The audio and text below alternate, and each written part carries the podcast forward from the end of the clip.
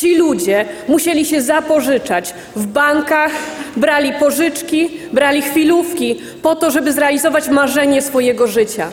Ci, którzy mieszkali w dużych miastach, mogli korzystać z programów samorządowych. Ludzie byli tak zdeterminowani, że składali wnioski do budżetów obywatelskich, żeby programy refundacji in vitro były. Nazywam się Agata Kowalska. Jestem dziennikarką Okopres i umiem zadawać pytania. Wciąż jeszcze wierzę, że świat można ponaprawiać, więc swoich gości, polityków i ekspertki pytam o rozwiązania. Swoje tematy dorzucacie i wy, słuchaczki i słuchacze powiększenia. Wspólnie wyrywamy się z pułapki, że nic się nie da i że nic nie ma sensu. Zawsze dochodzimy do sedna. No, prawie zawsze. Zapraszam.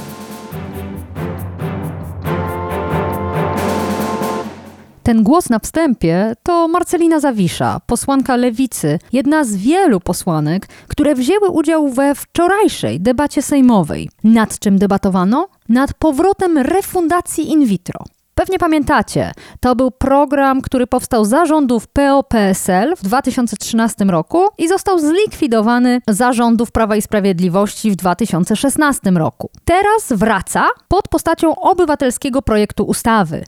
Projekt jest krótki. Zakłada, że minister zdrowia opracuje program leczenia niepłodności obejmujący również metodę leczenia niepłodności, jaką jest in vitro, a rząd ten program sfinansuje. I to nie byle jaką kwotą, bo nie mniej niż 500 milionami złotych rocznie. Tyle szczegółów. Niewiele. Więcej będzie w owym programie. Wtedy, kiedy projekt przejdzie przez Sejm, przez Senat, prezydent go podpisze, ustawa wejdzie w życie, a minister zajmie się wtedy przygotowaniem owego programu. Doświadczenie już mamy, bo program leczenia niepłodności refundowany przez państwo już kiedyś istniał. Można na nim bazować. Dzisiaj w powiększeniu zastanowimy się, co poprawić. Myślicie, że wyprzedzam fakty? Nie do końca, dlatego że bardzo uważnie śledziłam wczorajszą sejmową debatę i słowo, które chyba najlepiej określiłoby jej wydźwięk, to triumfalizm. Tak, tak. Bardzo wiele miejsca politycy i polityczki dotychczasowej opozycji poświęcali temu, że skończyły się rządy Prawa i Sprawiedliwości, że ta ośmioletnia smuta, jeśli chodzi o leczenie niepłodności, też się skończyła i że teraz będzie lepiej. Z właściwie wszystkich wypowiedzi wybrzmiewało przekonanie, że ten projekt przejdzie że ma ogromne poparcie, a nawet kilku posłów sugerowało, że i na prawicy, sejmowej prawicy, znajdą się pojedynczy posłowie, którzy projekt refundacji in vitro poprą. I może słusznie, bo w pewnym momencie na mównicę sejmową wyszła minister zdrowia Katarzyna Sujka i opowiadała o tym, jakie in vitro jest ważne, a posłanka Prawa i Sprawiedliwości Józefa Szczurek-Żelazko, występująca w imieniu klubu PiS, ogłosiła, że partia poprze dalsze procedowanie projektu. Więc kto wie, może za refundacją in vitro ostatecznie opowiedzą się praktycznie wszyscy. Wydaje się, że ten projekt, pierwszy projekt, którym się zajął nowy Sejm, Sejm dziesiątej kadencji, jest pewniakiem. Ale oczywiście polski Sejm nie byłby polskim Sejmem, gdyby nie padło parę populistycznych haseł oraz absurdalnych tez dotyczących rozrodczości kobiet, metody in vitro, zarodków i no nie, o krzyku zarodków tym razem nie było mowy. O tym dzisiaj w powiększeniu też powiemy, ale króciutko. Dlatego, że jeśli moim zadaniem jest pokazanie Wam, jak w debacie publicznej obecnie dyskutuje się o in vitro, no to nie mogę poświęcać powiększenia na nieliczne głosy, hmm, oszołomskie. Wspomnimy o nich, ale nie spodziewajcie się, że zajmą one nam wiele czasu. Zamiast tego porozmawiamy o in vitro takim, jakie ono jest, z najlepszą możliwą ekspertką. Porozmawiamy o tym, jak było przez te 8 lat i jakie oczekiwania mamy na przyszłość. Muszę Wam też powiedzieć o swoim zmęczeniu, a raczej braku zmęczenia. Wczorajsza debata sejmowa trwała ponad 3 godziny, nawet chyba prawie 4. Długo, co chwila występowały inne osoby, starałam się śledzić naprawdę uważnie, co kto mówi, w jakim tonie, w jakim celu, z której jest partii i tak dalej, i tak dalej. Liczyłam nawet, ile kobiet zostało tym razem dopuszczonych do głosu. Dużo, co się chwali. Trwało to długo i wymagało koncentracji. A mimo to na koniec nie odczuwałam zmęczenia. Wiecie dlaczego? Dlatego, że to była prawdziwa debata sejmowa. Bez awantur, bez wrzasku, z jednym wyjątkiem pewnego posła Konfederacji. Bez buty, bez prostactwa, bez bezczelności. Sejm się zmienił. Wydaje się, że znowu zaczął służyć dyskusji, a nie krwiożerczej walce politycznej. Walce, w której jedna strona, strona władzy, depcze wszelkie zasady, a druga strona desperacko próbuje dobić się do głosu. Przykładem jest to, że rzecz niby kiedyś oczywista, że posłowie mieli dwie minuty na zadanie pytania. W czasach władania Sejmem przez PiS redukowano to do 30 sekund. Nie dawało się skończyć zdania. Wicemarszałkini Niedziela i wicemarszałek Zgorzelski prowadzili obrady kulturalnie. Nikomu nie wyłączono mikrofonu. Był porządek, był spokój. I oczywiście jest to ważne, bo ja dzięki temu nie byłam zmęczona. Jest tego jeszcze jedna zaleta. Dało się naprawdę skupić na tym, co jest mówione. Dało się wychwycić, kto zadaje merytoryczne pytania, a kto przyszedł pochwalić kolegów i siebie za walkę o in vitro. Głosy posłów i posłanek mogły naprawdę wybrzmieć. Dzięki czemu my, media, ale też my wszyscy obywatele, obywatelki, możemy naprawdę zobaczyć, kto w Sejmie pracuje, kto się przygotował, kto występuje na mównicy tylko po to, żeby siebie wypromować, komu naprawdę zależy na sprawie. Jest to bezcenne. Dzisiaj w podcaście oczywiście będziemy też cytować tę debatę. Same i sami będziecie mogli się przekonać, jak to brzmiało. No a teraz już przechodzimy do dyskusji o in vitro po dyskusji o in vitro. A moim gościem jest dr Katarzyna Kozioł, która pracuje w klinice leczenia niepłodności Novum i jest lekarką szeregu specjalizacji, bo i w zakresie położnictwa, i ginekologii, endokrynologii ginekologicznej i rozrodczości. Dzień dobry, witam panią w powiększeniu. Dzień dobry. Pani doktor, będziemy dzisiaj przyglądać się temu, co przygotowuje dla nas Sejm, dla nas wszystkich, bo i dla pacjentów, pacjentek, którzy chcą leczyć niepłodność, i dla specjalistów takich jak pani, którzy się tym leczeniem zajmują, ale też dla mnie, obywatelki, która płaci podatki i chce wiedzieć, na co one będą wydawane. Program refundacji in vitro zakłada 500 milionów rocznie wydawanych właśnie na ten cel, ale zanim będziemy rozmawiać o tym, co żmudne, czyli pieniądzach i procedurach, to chciałam panią zapytać. Pani już tak wiele lat zajmuje się niepłodnością i walką z niepłodnością. Co jest najprzyjemniejsze w pani pracy? Jak się udaje i rodzą się dzieci z tego. To dzisiaj wzrusza, bo e, nie można się do tego przyzwyczaić, także nie ma tutaj żadnego wypalenia zawodowego, zawsze się wzruszamy tym i cieszymy razem z rodzicami.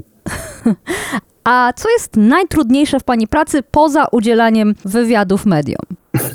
E, No, jak się nie udaje i bardzo się staramy i mm, rodzice przyszli też bardzo się starają i robimy wszystko, żeby, żeby się udało, czasami e, się nie udaje i natrafiamy na taki mur, gdzie już wszystko zostało sprawdzone i zrobione i medycyna współczesna już nie może nic więcej w tej sprawie zrobić, ale to się na szczęście zdarza bardzo rzadko. Ale jak się zdarza, to jest bardzo trudne.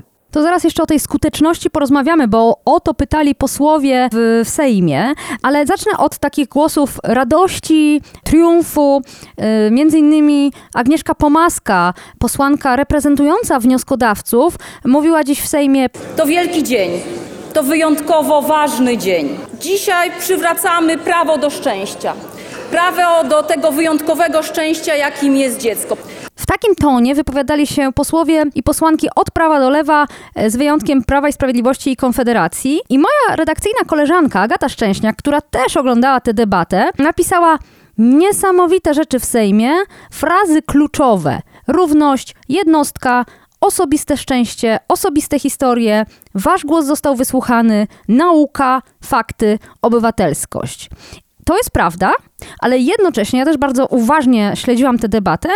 Pojawiły się zarzuty, że in vitro to eksperyment, że to, cytuję, zamrażanie chłopców i dziewczynek i zabijanie braciszków, ale tych głosów było bardzo niewiele. Debata trwała ponad trzy godziny.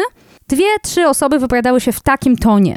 To jest nieporównywalne z rokiem 2015, kiedy wybrzmiewał krzyk zarodków i mówiono o cierpieniu mężczyzn zmuszanych do onanizmu. Dzisiaj nikt nie pytał, czy przemysł kosmetyczny przerabia zarodki na kosmetyki. I teraz pytanie do pani, śledzącej nie tylko te debaty, ale ten świat. Czy na naszych oczach wydarzyła się rewolucja mentalna? Ostatnie 8 lat to był gigantyczny krok wstecz, jeśli chodzi o rozumienie potrzeb kobiet, potrzeb rodziców, jeśli chodzi o prawa reprodukcyjne. A tu nagle 3 godziny w Sejmie cywilizowanej, wręcz mądrej rozmowy. Jak pani myśli, skąd to się wzięło? Ja myślę, że w Sejmie byli, byli tylko ci ludzie, którzy, którzy byli za in vitro, albo tacy, którzy chcieli w tej sprawie zabrać głos, natomiast przeciwnicy się tam nie pojawili. Znaczy, że niewiele się chyba zmieniło. E, oczywiście więcej jest ludzi, którzy są za niż przeciw, natomiast ci przeciwnicy są zagorzali i oni niełatwo dają się przekonać, że jest inaczej. Więc wydaje mi się, że po prostu ich tam nie było. Ale kiedyś czuli, że mają przestrzeń, mają swoją mównicę i Tak, mają teraz- prawo. A teraz gdzieś zniknęli, no, dosłownie zniknęli. W Sejmie Prawo i Sprawiedliwość po prostu zniknęło, ławy y, poselskie były puste, gdzieś się podzieli. No tak, oni przegrali po prostu w tych wyborach, więc zeszli w cień i już się nie wypowiadają tak ochoczo, bo wiedzą, że to, że nie będą e, wysłuchani, tak? I że teraz jest inna opcja. Także myślę, że to o to chodzi, ale nie chciałam się zagłębiać w politykę. Myślę, że e, na szczęście jest więcej ludzi, którzy e, wierzą w naukę i, i są za in vitro, czyli wiedzą, że to jest sposób leczenia który, mm, który jest najskuteczniejszym leczeniem niepłodności, kiedy już wszystkie inne metody zawiodą.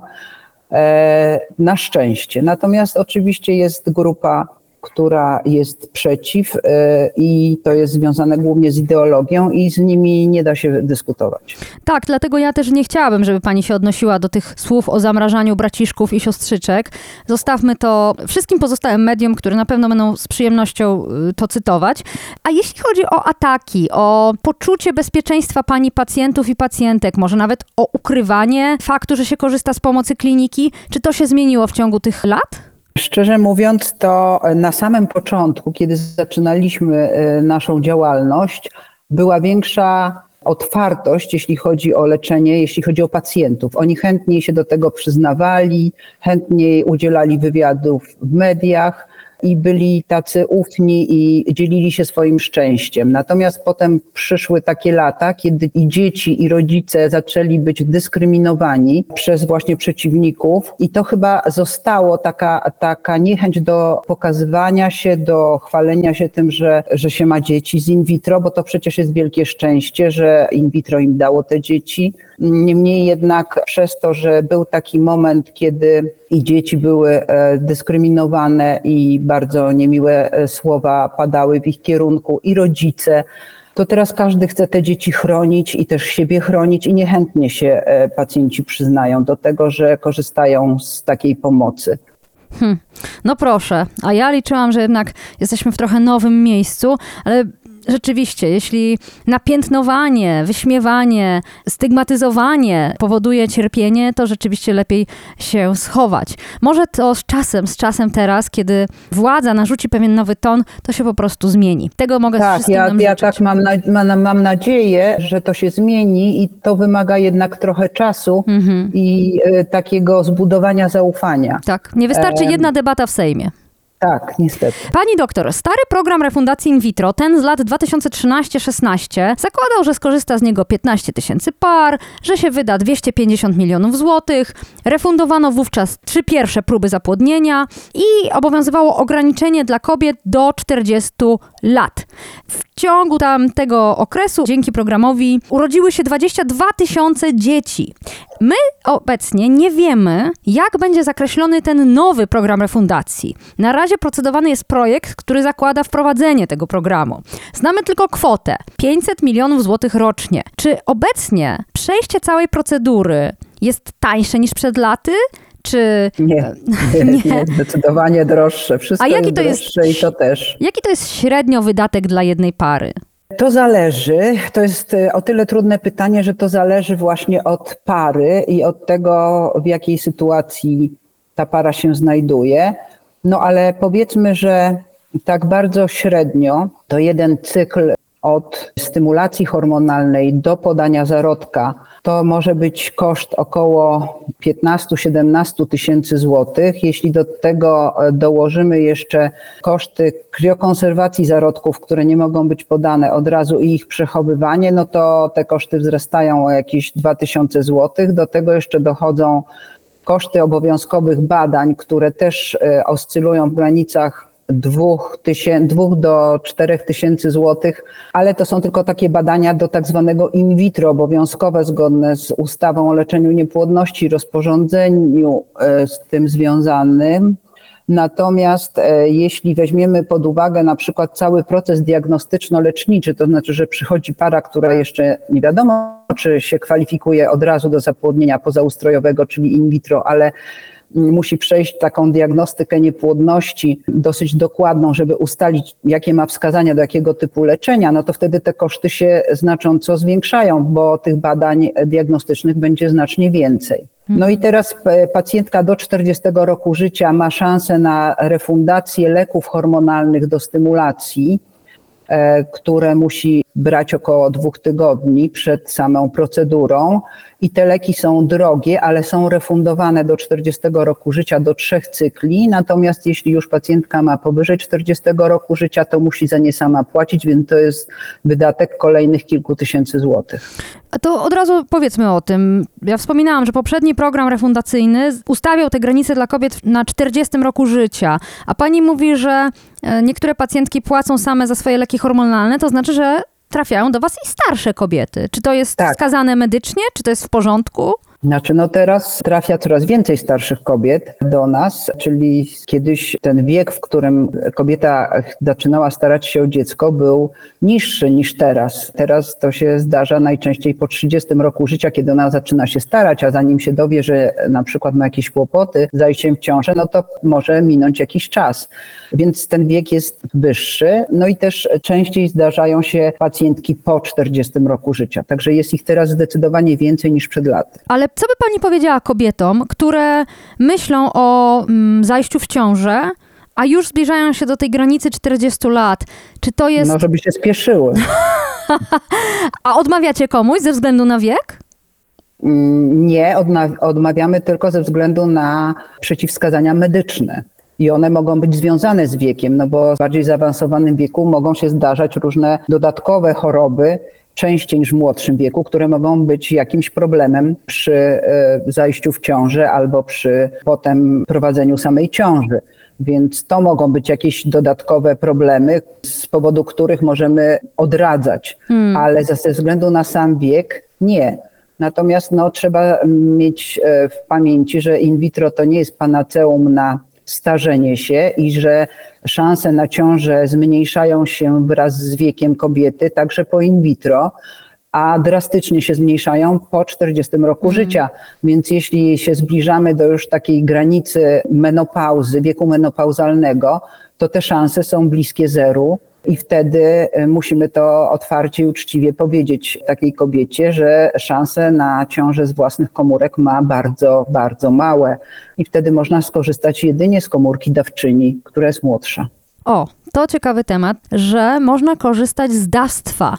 Dawstwa e, Tak. nie tylko nasienia, ale i komórek i nawet zarodków. To wszystko jest w Polsce Tak. legalne? Absolutnie tak. Jest ustawa o leczeniu niepłodności z 2015 roku, która legalizuje wszystkie te mm, metody leczenia, bo to są metody leczenia. E, I tak e, właśnie dobrze by było zaznaczyć, że, że ja też słuchałam trochę tej debaty sejmowej, że co najmniej połowa posłów, która się tam wypowiadała, w ogóle nie zna tej ustawy. To było takie trochę zatrważające, ale mam nadzieję, że się zapozna. A co najbardziej panią uderzyło? Kiedy co mówili? No, czy można na przykład robić in vitro tylko w małżeństwie, czy także w konkubinacie? Były takie. A było e, to pytanie, to prawda. No jaka jest No, a odpowiedź? to w ustawie jest przecież e, uregulowane i absolutnie tak. Musi być po prostu para partnerska i nie musi być wcale małżeństwem, ponieważ ustawa to reguluje, więc nie ma co zadawać dodatkowo takich pytań. A przy okazji pytań, poseł PiS Czesław Hoc, zresztą lekarz i to chyba endokrynolog, jeśli dobrze pamiętam, pytał, czy według tego projektu, ale tak naprawdę pewnie pytał o przepisy ustawy, a nie projektu samej refundacji, W zapłodnieniu heterologicznym, czyli gdy materiał genetyczny pochodzi od osoby spoza małżeństwa, czy dawca może być losowy czy wskazany? A jak dawca wskazany, czy może sobie pozwolić na określony genotyp, czyli genotypyczny rysopis organizmu, na przykład wysokość ciała, kolor włosów, oczu, uzdolnienia muzyczne, sportowe tak itd. co by pani posłowi Hocowi odpowiedziała? No, żeby przeczytał ustawę. A, no ale- dawstwo, tak, dawstwo w Polsce jest anonimowe. W związku z tym dawca i biorca nie mogą się znać, ani dawczyni i biorczyni. To, co e, tam można wskazać, to rzeczywiście jedynie można wskazać pewne podobieństwo fenotypowe, tylko po to, żeby to dziecko urodziło się w takiej rodzinie, która jest do niego podobna. Więc rzeczywiście ustawa nakazuje dobieranie jakby gamet oddawców tak, żeby dziecko pasowało fenotypowo W tym sensie, że na przykład kolor skóry, tak, jest No, istotny. kolor skóry, ewentualnie kolor włosów i kolor oczu, jeśli Mhm. to jest możliwe, żeby tak dopasować, to tak można to dopasować po to, żeby po prostu dziecko dobrze się czuło w tej rodzinie, w której przyjdzie na świat. Mhm. Teraz jeszcze jeśli chodzi o pieniądze. Mówiła pani, że to kosztuje, no, tak z 20 tysięcy to trzeba sobie przygotować. Mm, Czy bardzo dużo osób odchodziło przez te 8 lat z kwitkiem ze względu na te koszta? Bo o tym bardzo dużo mówiły, zwłaszcza posłanki dzisiaj w Sejmie. Pani poseł Barbara Nowacka. Jesteśmy dzisiaj wyjątkowo szczęśliwe i szczęśliwi, bo dzieje się ta rzecz historyczna. Przywracamy w Polsce element sprawiedliwości społecznej. Co znaczyło odebranie refundacji in vitro? Ono oznaczało, że rządzący upokorzyli biednych, upokorzyli te rodziny, które nie miały pieniędzy na prywatny zabieg. Zabieg, który kosztuje bardzo dużo. Procedurę, która jest procedurą trudną, często bolesną, wymagającą wyrzeczeń. I wy jeszcze zaczęliście stygmatyzować tych, których nie było na to stać. Odebraliście biedniejszym polskim rodzinom prawo do szczęścia i do posiadania dziecka, bo nawet bogatsi musieli często zadłużać się, brać kredyt, żeby tylko mieć dziecko. Bardzo prosimy o wypowiedź panią Wandę Nowicką y, z klubu Lewica. Leczenie niepłodności metodą in vitro, które jest wspaniałym osiągnięciem medycyny, stanowi skuteczną metodę na posiadanie potomstwa. Mamy z niej prawo korzystać. Ma tylko jedną wadę. Jest bardzo kosztowne, przez co jest trudno dostępne bądź całkiem niedostępne finansowo dla wielu osób w Polsce. A to stanowi nierówność, której państwo musi przeciwdziałać wszelkimi dostępnymi metodami. Do głosu zapraszam panią poseł Marcelinę Zawiszę z klubu Lewica. Prawo i Sprawiedliwość wprowadziło 500 plus po to, żeby pomóc walczyć z ubóstwem dzieci.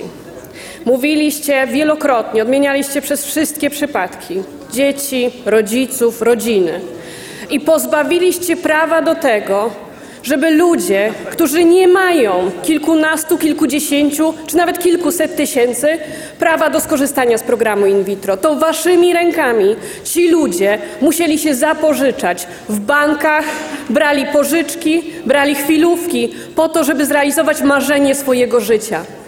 Ci, którzy mieszkali w dużych miastach, mogli korzystać z programów samorządowych. Ludzie byli tak zdeterminowani, że składali wnioski do budżetów obywatelskich, żeby programy refundacji in vitro były. To pokazuje skalę determinacji i chęć miłości. I wy tej miłości nie rozumieliście. Co więcej, wycofaliście się z programu, który działał. Z tego programu urodziło się ponad 20 tysięcy dzieci. Czy pani też się spotykała z takimi przypadkami? Do nas trafiają osoby, które już wiedzą niestety, e, że to się wiąże z pewnymi kosztami, więc rozumiem, że jak już do nas trafią, to zazwyczaj nie rezygnują z powodu kosztów, ale zaobserwowaliśmy taki znaczący spadek liczby pacjentów po likwidacji programu refundacyjnego. Był znacznie większy ruch i, i znacznie więcej chętnych pacjentów, kiedy ten program był. Natomiast kiedy on został zlikwidowany, nastąpił odpływ pacjentów no, co najmniej o 30%. Więc e, rozumiem, że to były te osoby, które były zdecydowane, miały wskazania do in vitro, a nie było ich na to stać. No nie wiemy jeszcze, ile będzie tego wsparcia i też ilu prób, bo to chyba ma znaczenie. Do tej pory to były trzy próby. Czy to była dobrze ustawiona granica? Nie za Tak. dużo, nie za mało? To jest dobrze ustawiona granica, to jest balans między skutecznością a opłacalnością, rozumiem, że finansowania przez państwo. Tak to jest mniej więcej na całym świecie ustawione. W niektórych krajach oczywiście jest jeszcze więcej tych prób finansowanych, do czterech, w Izraelu do urodzenia dwojga dzieci, więc są państwa, które są jeszcze bardziej opiekuńcze w tym zakresie, ale te trzy procedury gwarantują taki realną szansę na powodzenie, a jedna to jest trochę za mało. A no właśnie, no to wróćmy do tej skuteczności, o której mówiła Pani na początku. Powiedziała Pani, gdy pytałam o najtrudniejsze momenty, że wtedy, kiedy się nie udaje, ale że to wcale nie jest tak często. Jak to jest możliwe? Dzisiaj w Sejmie padła liczba, Skuteczność tej metody waha się w granicach od 33 do 40%. a Pani mówi, że to jest więcej. To w końcu jak jest naprawdę? Tak, tak, no bo to zależy jak się to liczy. 30% to jest rzeczywiście średnia skuteczność po jednym podaniu jednego zarodka do macicy. Czyli to jest jeden cykl stymulacji hormonalnej, pobrania tych komórek jajowych, po stymulacji z jajników, zapłodnienia ich e, w warunkach laboratoryjnych. Z tego powstają zarodki. Zazwyczaj powstaje ich kilka i po podaniu jednego z tych kilku zarodków szansa na ciążę to jest około 30%. Ale pozostałe zarodki, które w tym czasie powstaną, są poddawane kriokonserwacji, czyli zamrażaniu w ciekłym azocie i one oczekują na swoją kolej. Jeśli ta pierwsza próba się nie powiedzie, to można je rozmrażać, odmrażać i podawać do macicy, więc tych tak zwanych kriotransferów z tego jednego cyklu może być kilka i to zwiększa tak zwaną skuteczność skumulowaną. Mm. A jakbyśmy E, jeszcze więc- przeprowadziły trzy razy tę procedurę, to ta skuteczność rośnie do, do ilu? No to myślę, że nawet do 80%. To bardzo wysoko. To ta liczba nie Tak. padła w Sejmie. No nie padła, bo tak jak mówię, to, to wszystko e, zależy od tego, jak tą skuteczność się liczy. Jeśli liczymy skuteczność tylko na jeden cykl i jeden transfer, to to jest rzeczywiście 30%, ale już jeśli policzymy skumulowany odsetek ciąż po wszystkich kriotransferach, to może dojść nawet do 50-60%. A jeśli to pomnożymy jeszcze wszystko razy 3, no to myślę, że do 80%. Ale oczywiście to są takie statystyki uśrednione, bo to jest statystyka dla osoby y, w miarę młodej i dobrze reagującej na stymulację, czyli mającej dobrą rezerwę jajnikową, tak zwaną, czyli ma dużo komórek jajowych w tych jajnikach, które mogą być poddane tej stymulacji hormonalnej, no i wszystko dobrze idzie. Natomiast są sytuacje, w których kobieta jest starsza albo ma niską rezerwę jajnikową i już ta stymulacja hormonalna tak dobrze nie przebiega i wtedy ta skuteczność y, jest niższa, ale nadal istnieje. To przy okazji mała powtórka z biologii kobiet, a raczej nie powtórka, ponieważ większość z nas nie miała tej wiedzy przedstawionej w szkole, a szkoda, zwłaszcza szkoda punktu widzenia posłów. E, Pani doktor, e, chciałabym jeszcze porozmawiać chwilę o tym, e, kogo odsyłacie z kwitkiem. Przepisy nie pozwalają, by pacjentką była singielka, czyli kobieta, która chce się zdecydować na samodzielne rodzicielstwo. Czy istnieje jakiekolwiek medyczne uzasadnienie, by odmawiać singielkom leczenia niepłodności? Nie, medyczne nie istnieje, to jest tylko y, uzasadnienie prawne, ustawowe. No to porozmawiamy chwilę o ich sytuacji, bo bardzo wiele kobiet marzy o wychowywaniu dziecka, e, nie udaje im się znaleźć odpowiedniego partnera. Piszą mm, w internecie, na grupach wsparcia, że szukają pomocy za granicą, ale kiedy pani opowiadała o tej procedurze in vitro, to wygląda na to, że trzeba być jednak w dosyć stałym kontakcie z kliniką. Czy to znaczy, że polskie singielki, które chciały być, by być mamami, czy one muszą wtedy wielokrotnie wyjeżdżać za granicę na te wszystkie badania, na te wszystkie procedury. Jak to wygląda? Czy pani się orientuje? No z tego, co słyszałam, bo, bo nie mam takiej pełnej wiedzy, to takie kobiety y, tak szukają pomocy za granicą y, w krajach ościennych i tam mogą y, z tego skorzystać, w tych krajach, w których prawo to dopuszcza.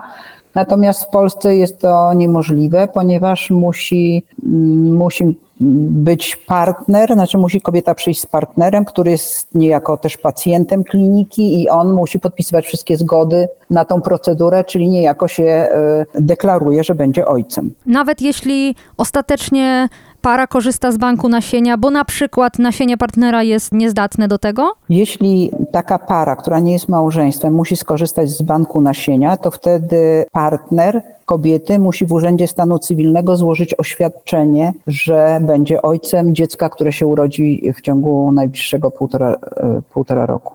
I tylko z takim zaświadczeniem możemy dalej działać, Mhm, e, rozumiem. czyli leczyć taką parę. Czyli państwo polskie generalnie próbuje prawnie zabezpieczyć, że rodzące się szczęśliwie dziecko będzie miało mamę i tatę, nawet jeśli Tak. ta para za jakiś Tak. czas się może rozejdzie.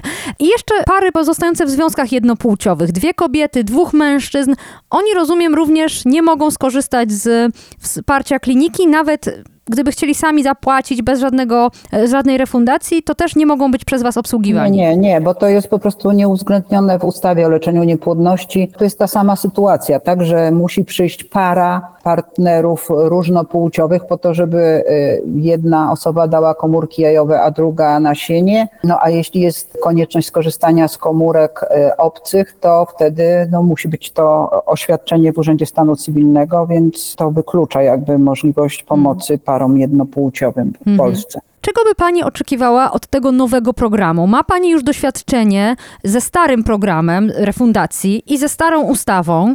Czego nowego? Czy, w, czy to w samym programie, który ma przygotować Ministerstwo Zdrowia, czy może nawet w ustawie, która chyba też ma ulec jakimś e, poprawkom? E, Czego by Pani potrzebowała?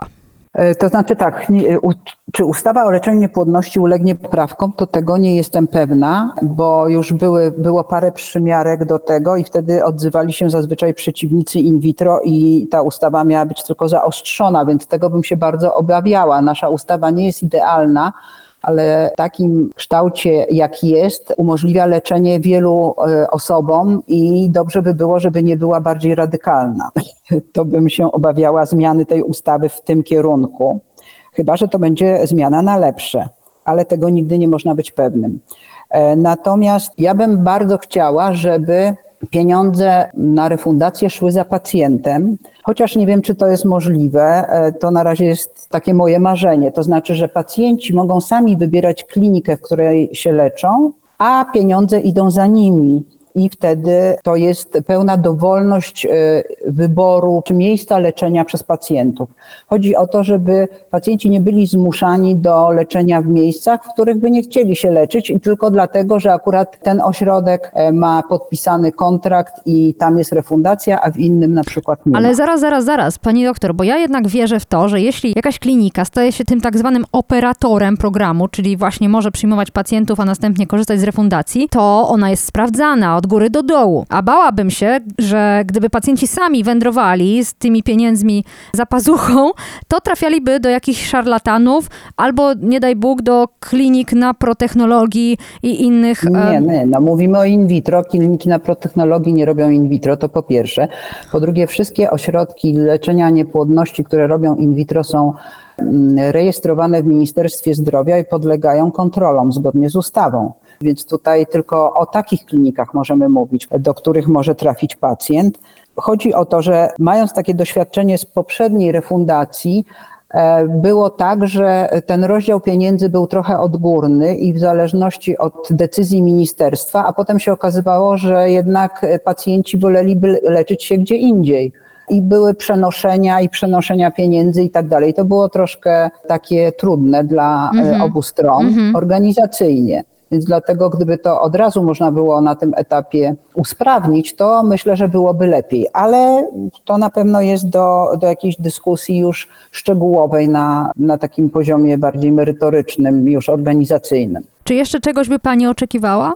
Bo chyba jest Oczekiwałabym, żeby procedury były finansowane zgodnie z ich z faktyczną wartością, dlatego że to są procedury bardzo wysoko specjalistyczne i właściwie wszystko, czego używamy, musi być sprowadzane z zagranicy, a żeby to zapewnić jakąś bardzo wysoką jakość i tą skuteczność, a także bezpieczeństwo, to to muszą być najlepsze i odczynniki, i specjalne e, e, mikronarzędzia, i cewniki, i tak dalej. No wiele jest tych rzeczy po prostu, które musimy e, sprowadzać po to, żeby zapewnić jakość i bezpieczeństwo pacjentom. I tutaj się nie da na tym oszczędzać. To znaczy, jeśli się zacznie na tym oszczędzać, to na pewno spadnie skuteczność i na pewno nie będzie to tak bezpieczne, jak, jak jest dotychczas w tych wszystkich ośrodkach, które o to bardzo dbają.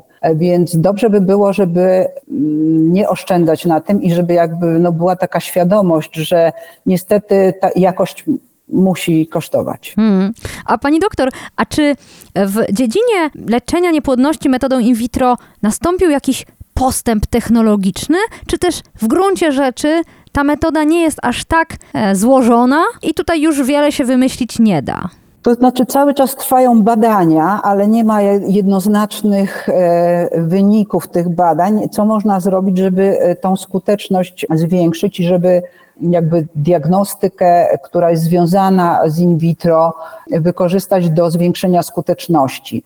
E, Głównie chodzi o to, że próbowało się pójść w tą stronę, żeby badać genetycznie zarodki, zakładając, że jeśli zarodek będzie zdrowy genetycznie, no to ta skuteczność powinna być stuprocentowa. No i po latach tego kierunku w in vitro okazało się, e, i to były doniesienia tegoroczne z, z rejestru amerykańskiego, że badanie zarodków nie zwiększa skuteczności in vitro, a wręcz ją zmniejsza. Ale to chodzi o taką, e, takie badanie tak zwane screeningowe, przesiewowe, czyli nie ma żadnych wskazań do, do tego, żeby te zarodki genetycznie badać, tylko chcemy wiedzieć, czy one mają jakiś błąd, czy nie mają i że jak podamy te bez błędu, to ta skuteczność będzie większa. Okazuje się, że to nie jest dobry kierunek i że zarodki mają różne mechanizmy samonaprawcze, więc na tym etapie, na którym się je by badało, ta diagnostyka nie jest tak dokładna, jakby się chciało, żeby była, więc szukamy dalej różnych e, metod diagnostycznych i metod zwiększenia skuteczności in vitro, no bo chciałoby się, żeby ta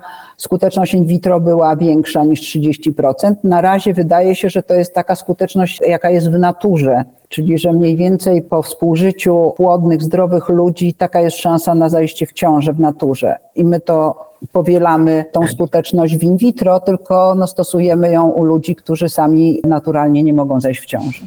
Tylko, że jak człowiek robi coś sam i zaprzęga do tego technologię, to oczekuje stuprocentowych rezultatów, a nie takich jak w naturze, ale to jest też uderzające. Jak pani porównała to do skuteczności natury, jest to y, kolejny fakt, który się nie pojawia w debacie publicznej, tak jakby kobiety były maszynami, e, do których wystarczy wrzucić komórkę męską i natychmiast z tego będzie ciąża, wcale tak nie jest. No wcale tak nie jest. O niepłodności mówimy po 12 miesiącach regularnego współżycia, więc to znaczy, że e, jakby było, jest 12 momentów, w których kobieta mogłaby zajść w ciążę, a niekoniecznie musi. Nadal się uważa, że ona jest jeszcze zdrowa i płodna. Dopiero jeśli po 12 miesiącach nie zachodzi i tak, tak samo się sądzi o mężczyźnie, to, e, no to dopiero zaczynamy się zastanawiać, dlaczego i wdraża się diagnostykę. Oczywiście 12 miesięcy można oczekiwać na ciążę u kobiet młodych, natomiast już u kobiet powyżej 35 roku życia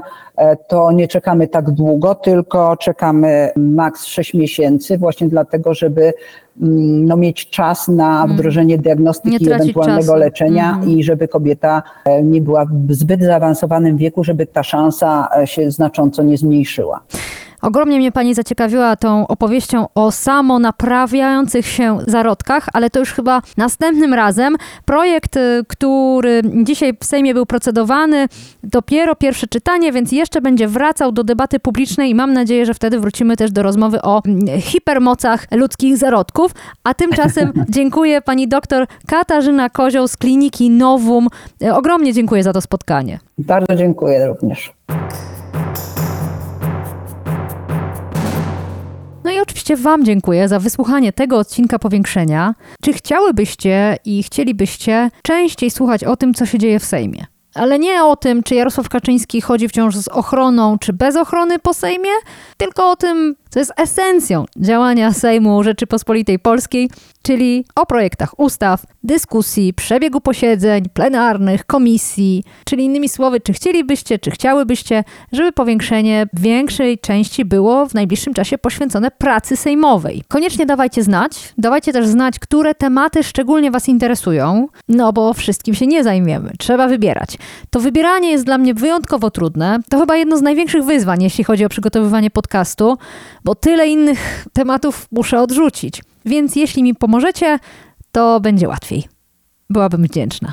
Piszcie do mnie koniecznie agata.kowalska małpa oko.press i do usłyszenia w następnym odcinku. To było Powiększenie, podcast Agaty Kowalskiej. Produkcja Bartosz Weber. Powiększenie znajdziesz na stronie Okopres i w Twojej ulubionej aplikacji do podcastów. Masz pomysł na temat albo komentarz? Napisz do mnie agata.kowalska małpaoko.press. Stałych darczyńców zapraszamy na grupę Okopres na Facebooku Twoja okolica. Tam też toczymy dyskusje o świecie i o podcaście. Dziękujemy za Wasze wsparcie.